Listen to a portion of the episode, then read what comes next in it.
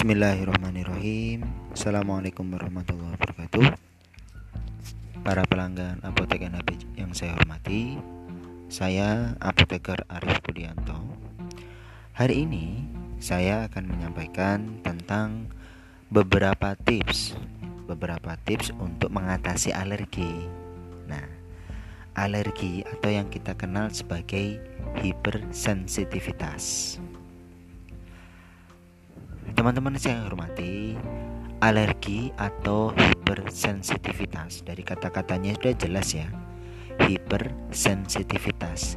Hiper itu artinya berlebihan. Sensitivitas artinya kepekaan merespon sesuatu. Jadi reaksi alergi itu merupakan uh, respon lebay. Nah, respon lebay dari tubuh kita terhadap sesuatu. Sesuatu itu disebut alergen penyebab alergi gitu ya jadi hipersensitivitas atau alergi itu adalah sebuah respon lebay hyper dari tubuh kita terhadap sebuah respon dari luar yaitu alergen atau penyebab alergi. Jadi kalau kita ingin mencegah terjadinya alergi sebenarnya tidak harus minum obat gitu kan ya. Caranya dicegah. Cegah agar tubuh kita tidak lebay merespon sesuatu. Juga tidak boleh abai ya. Sama-sama jelek sih. Lebay tidak boleh, abai juga tidak boleh. Tidak lebay, tidak abai. Bagaimana yang pas? Nah, di sini ada beberapa hal yang ingin aku sampaikan kepada para pelanggan apotek NHBG semuanya tentang hal-hal yang bisa kita lakukan agar tubuh kita itu lebih proporsional menyikapi sebuah respon dari luar atau rangsangan dari luar. Memang tidak bisa dihilangkan karena memang sifat makhluk hidup, sifat kita adalah merespon atau iritabilita, merespon sebuah rangsangan. Itu memang betul. Cuma bagaimana respon itu tidak berlebih-lebihan. Ini yang kemudian kita akan bahas. Yang pertama, ya, sahabat-sahabat semua, para pelanggan apotek NHBC, untuk anak-anak.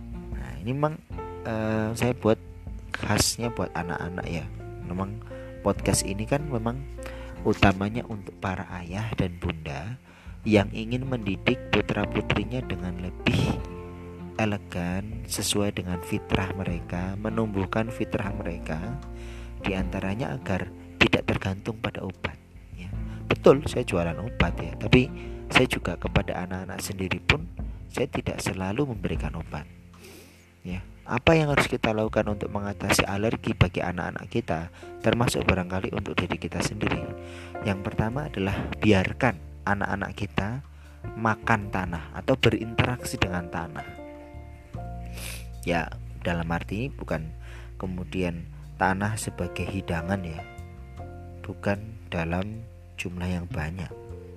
Tapi intinya lebih baik anak kita berantakan, kotor, dan berhubungan dengan lingkungan yang alami daripada dibesarkan dalam lingkungan yang sangat steril di tempat Anda. Ya, mungkin setiap kali kita gosok dengan desinfektan, hand sanitizer ya. Kenapa kok tidak harus tidak boleh dibesarkan dalam lingkungan yang steril ya? Sebab anak kita ataupun kita sendiri memiliki pasukan kekebalan tubuh. Dan kalau kita terbiasa dengan tempat-tempat yang kotor secara alami ya dalam tanda kutip nih, kotor secara alami, maka pasukan kekebalan tubuh kita itu bisa berlatih. Jika mereka pasukan kekebalan tubuh itu tidak berlatih, tidak punya kesempatan berlatih, mereka akan terlalu bersemangat, terlalu lebay, ketika bertemu penyusup sekecil apa pun. Jadi respon sedikit aja, alergen sedikit aja, responnya lebay banget gitu kan. Kalau kita udah biasa berlatih, oh cuma kayak gini, udah sentil aja kan gitu ya. Nah, oleh karena itu, meskipun ya kami sangat menganjurkan agar uh, bapak dan ibu terutama di era pandemi ini ya rajin cuci tangan gitu kan terus untuk melindungi anak-anak kita dari virus dan bakteri yang berpindah dari satu anak ke anak yang lain dari tangan ke mulut dan sebagainya tapi kita juga harus e, mawas diri ya bahwa ada manfaat biologis kok yang jelas dengan mengenalkan anak-anak kita terhadap segala sesuatu yang ada di alam semesta ini, di antaranya tanah. Karena tanah organik ya, seperti yang ditemukan di daerah pertanian, di sini beci, bobosan, karang nangka masih banyak ya. Dengan tanah kotor yang apa namanya di perkotaan itu beda jadi tanah yang ada di tanah-tanah pertanian itu memang secara alami mikroba bakterinya itu bakteri-bakteri yang baik. Jadi yang saya maksud di sini adalah tanah-tanah yang baik ya, bukan tanah yang kotor. Bukan tanah yang tercemar oleh pestisida. Jadi kalau misalnya anak-anak kita itu bermain tanah-tanah kompos ya hasil-hasil kita membusukkan. Nggak apa-apa itu bagus. Di situ banyak mikroba di mana anak-anak kita akan berlatih sistem kekebalan tubuhnya itu akan berlatih. Itu yang pertama. Bayarkan anak-anak kita berinteraksi dengan tanah. Cara untuk mencegah alergi yang kedua adalah kita menurunkan apa paparan terhadap alergi itu. Nah ini memang saya sering itu sampaikan kepada para pelanggan ya alergi itu ya nggak bisa disembuhin gitu ya. Tidak bisa tidak bisa disembuhkan. Seperti alergi asma itu tidak bisa disembuhkan. Cuma kita bisa mengurangi kerusakan yang ditimbulkan dari alergi atau asma itu dengan cara mengurangi paparan anak kita terhadap alergen atau material dan bahan-bahan yang memicu terjadinya alergi ataupun asma itu misalnya nih ya contoh nih ya tidak menaruh karpet di lantai kamar anak Kenapa? Oh, karena karpet itu menjebak alergen lebih banyak daripada lantai. Kalau lantai lebih bersih, lebih bisa sering kita bersihkan. Kalau karpet ya, itu enggak, enggak bagus itu. Lebih baik lagi jika apa namanya tidak hanya di kamar, tapi di semuanya. Jadi di lantai rumah saya, saya sengaja untuk lantai 2 dan lantai 3 rumah saya itu pakai kayu. Di furnace bagus, supaya gampang dibersihin. Debunya ada gitu ya. Sela-sela itu ya semut-semut apa ya ada gitu. Cuma tidak pakai karpet gitu. Mengapa? Karena karpet itu banyak alergen di situ. Banyak pemicu entah kutu apa Hah? itu dan itu tidak beda dengan tanah tadi. Kalau tanah kan secara alami kalau karpet kan tidak alami ya. Yang kedua selain karpet tidak kita hindarkan karpet. Yang kedua adalah pakai gorden itu yang ringan ya yang bisa dicuci. Atau mau pakai tirai itu ya yang dinaik turun itu nanti bisa buka ya, dari bambu atau apa. Itu lebih alami lebih bagus gitu ya. Ya itu lebih mudah untuk kita bersihkan. Karena kalau tirai-tirai yang tebal itu ya atau gorden yang tebal itu kan susah. Dan itu lebih banyak menjebak debu. Nah ini kita hati-hati. Nanti malah anak kita bisa jadi apa namanya alergi atau asma.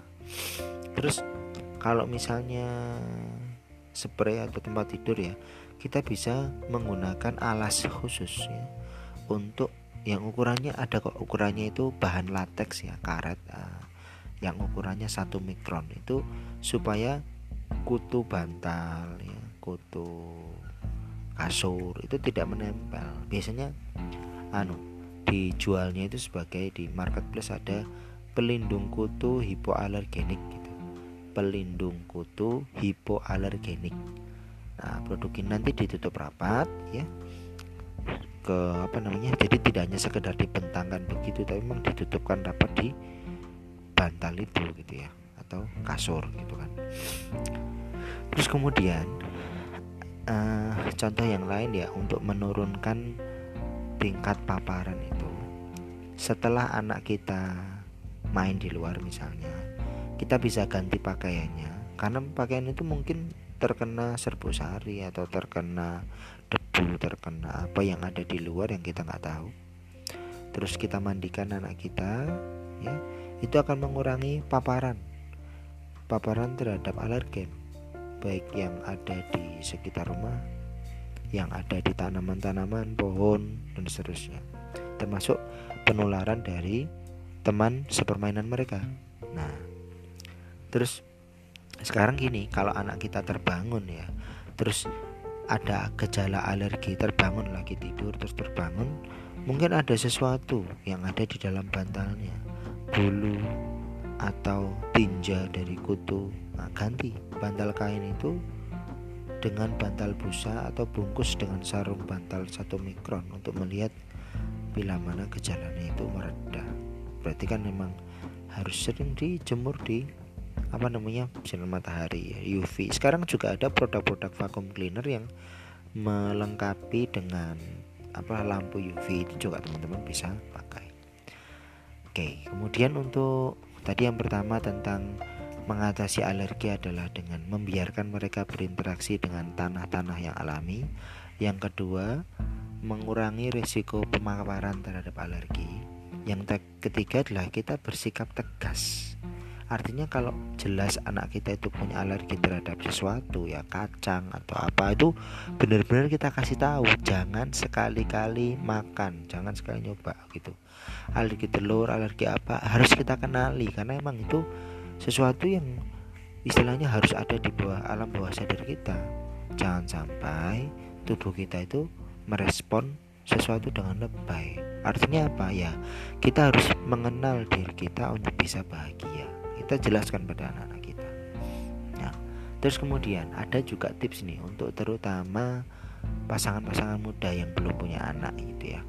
Nah itu kami lebih menyarankan agar teman-teman memelihara binatang peliharaan terlebih dahulu sebelum punya anak maksudnya. Supaya nanti kalau kita punya anak ya hewan peliharaan kita itu kan sudah menebarkan mikroba ibaratnya ya. Sudah menebarkan bakteri mikroorganisme virus dan sebagainya di sekitar rumah kita. Nah anak kita itu nanti ketika lahir dia sudah punya sistem kekebalan tubuh alamiah terhadap paparan-paparan itu. Menakjubkan kan? Nah ini memang begitu memang tubuhnya itu akan belajar ya belajar tentang sistem kekebalan tubuh terhadap kondisi-kondisi alergen di sekitarnya. Istimewa sekali memang nah terus kemudian yang kita juga sering alergi terhadap telur ya. Nah kami menyarankan untuk tidak memberikan putih telur sampai anak itu sekurang-kurangnya satu tahun lah. Jadi kalau di bawah satu tahun ya jangan pakai menu-menu yang mengandung telur ya karena itu biasanya memicu alergi. Saya sendiri ya ini saya pengalaman sendiri ini. Dulu waktu kecil itu kaki saya wah gatal-gatal bentong-bentong itu berair gitu. Kenapa ya? Karena saya senang banget telur gitu. Dan ibu saya senang banget ngasih telur kan. Jadi akhirnya gatal semua gitu. Jadi ya kalau kuning telur boleh ya. Kuning telur boleh. Mungkin setelah usia enam bulan ya boleh. Tapi kalau satu tahun ya itu apa kalau yang putih telur disarankan di atas satu tahun. Terus kalau udah di atas dua tahun insya Allah udah aman. Lah ya, tubuh kita sudah bisa merespon itu dengan baik. Memang dari awal diberikan. Termasuk juga kayak udang gitu ya. Alergi terhadap udang alergi terhadap apalah itu bisa kita kurangi dengan cara memberikannya itu secara bertahap sedikit demi sedikit. Kayak tadi kuning telurnya dulu nggak apa-apa di atas 6 bulan tapi putih telurnya nanti. Itu kan albumin tuh banyak mengandung uh, potensial alergenik gitu ya. Jadi kita jangan dulu setahun ke atas sama udang juga setahun ke atas. Nanti tubuh kita akan menyesuaikan namanya hiposensitisasi jadi memberikan sensitivitas secara tahap demi tahap sedikit demi sedikit gitu. Nanti kita akan hilang atau kita akan berkurang respon terhadap alerginya. Oke ya. Nah terus kalau misalnya anak kita itu ternyata alergi terhadap susu biasanya gatal-gatal apa diare gitu. Ah, itu langsung diganti. Jangan coba-coba gitu loh. Jadi emang ya tadi ya bersikap tegas. Kalau emang harus dirubah ya berubah gitu. Dan emang kami sendiri tidak menganjurkan ya kalau misalnya memberikan kan ada yang sekarang diberikan uh, susu es susu apa namanya susu formula begitu ya kalau emang susu formulanya itu maksudnya alergi terhadap susu sapi ya diganti yang susu kedelai gitu misalnya. Cuma tetap yang paling baik yang kami anjurkan adalah asi gitu. Dan uh, wanita yang menyusui itu potensi kembali langsing. Itu lebih besar daripada wanita yang tidak menyusui.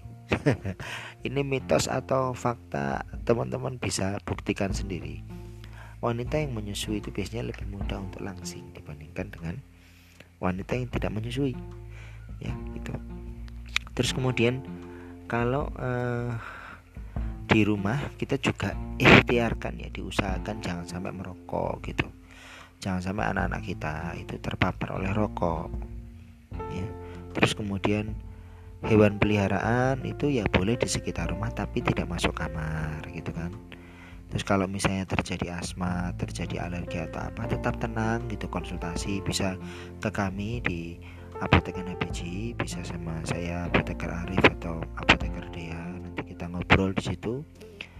Nah, bisa di nomor 0896 44 111281 kita ngobrol di situ. Kita bisa diskusi nanti. Nah terus kemudian untuk mencegah alergi ya juga bisa dilakukan dengan kita melihat atau memelihara binatang. Teman-teman misalnya kita ajak anak kita itu ke kalau saya dulu waktu anak-anak itu tak bawa ke kandang ayam tak bawa ke kandang sapi gitu yang lihat sapi itu sebenarnya apa sih intinya gitu ya? Kalau misalnya lebih bagus kalau dekat kebun binatang ya saya waktu itu karena di sini kebun binatang ya waktu sama TK aja TK di kebun binatang Banjarnegara. Tapi saya pernah ngajak anak-anak untuk secara khusus datang ke kebun binatang Bandung terus kebun binatang di Solo gitu ya nah kenapa sih kita ajak anak kita ke kebun binatang gitu ya kalau bisa ya malah ketika kecil ya, Memang pada saat itu anak-anak kita tidak akan mengingat monyet itu seperti apa, singa itu bagaimana itu enggak. Tapi sistem kekebalan tubuh itu akan ingat. Kebun binatang itu ya teman-teman dipenuhi tipe antigen khusus yang disebut dengan endotoksin. Jadi kebun binatang itu dipenuhi tipe antigen khusus yang disebut endotoksin. Antigen ini membantu anak-anak kita membangun pasukan kekebalan tubuhnya. Ya, jadi kita bisa mengunjungi kebun binatang atau di area-area pertanian, peternakan itu juga bagus gitu. Anak-anak saya juga, ya saya ternak kelinci juga, alhamdulillah ada manfaatnya juga gitu. Saya terpapar alergi tuh sama kelinci ya. Waktu itu, oh, apa nek orang di sini bilangnya kayak giduan gitu ya, gatel-gatel terus sampai apa namanya lehernya itu bengkak gitu ya karena apa istilahnya itu ya giduan kalau gitu kan duun bengkak gitu. Ya tapi itu memang bagian dari sistem kekebalan tubuh kita merespon kan sel kelenjar getah bening kan merespon. Itu, itu bagus kok. Apa namanya? Ya sakit ringan kan. Tapi itu akan membantu kita untuk lebih kuat. Lebih kuat dalam menghadapi ya misalnya saya sekarang COVID-19 gitu kan. Corona ini kita bisa lalui insya Allah. Terus kemudian kita juga bisa membiasakan anak-anak kita untuk aktif ya, aktif bangun bergerak gitu. Sebab gini anak yang bermalas-malasan di depan televisi di depan HP gitu ya selama dua jam minimal sehari itu resiko asma itu lebih besar gitu. Ya terus kemudian tubuh kita jadi lebih rentan terhadap penyakit ya. Boleh misalnya aktivitas lari berenang bagus berenang ya berenang bagus. Cuma ya memang harus hati-hati kalau misalnya kolam renangannya itu mengandung klorin. Nah, nanti kan bisa kita rasain kita bawin kalau terlalu banyak klorin ya nanti tidak baik buat kulitnya kan jadi busik gitu ya.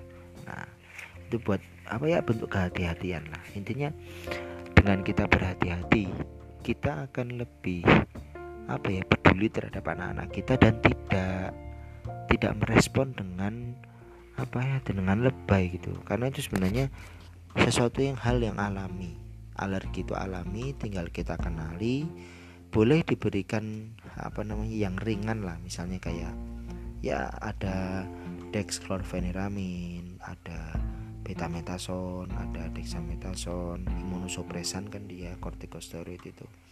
Terus banyak lah itu bisa kita konsultasikan bisa ngobrol bareng saya apoteker Arif ataupun apoteker Dea nanti di apoteker NBC insya Allah kami dengan senang hati bisa membantu teman-teman dan semoga jadi pahala kebaikan untuk kami sekeluarga. Demikian semoga podcast ini bermanfaat. Assalamualaikum warahmatullahi wabarakatuh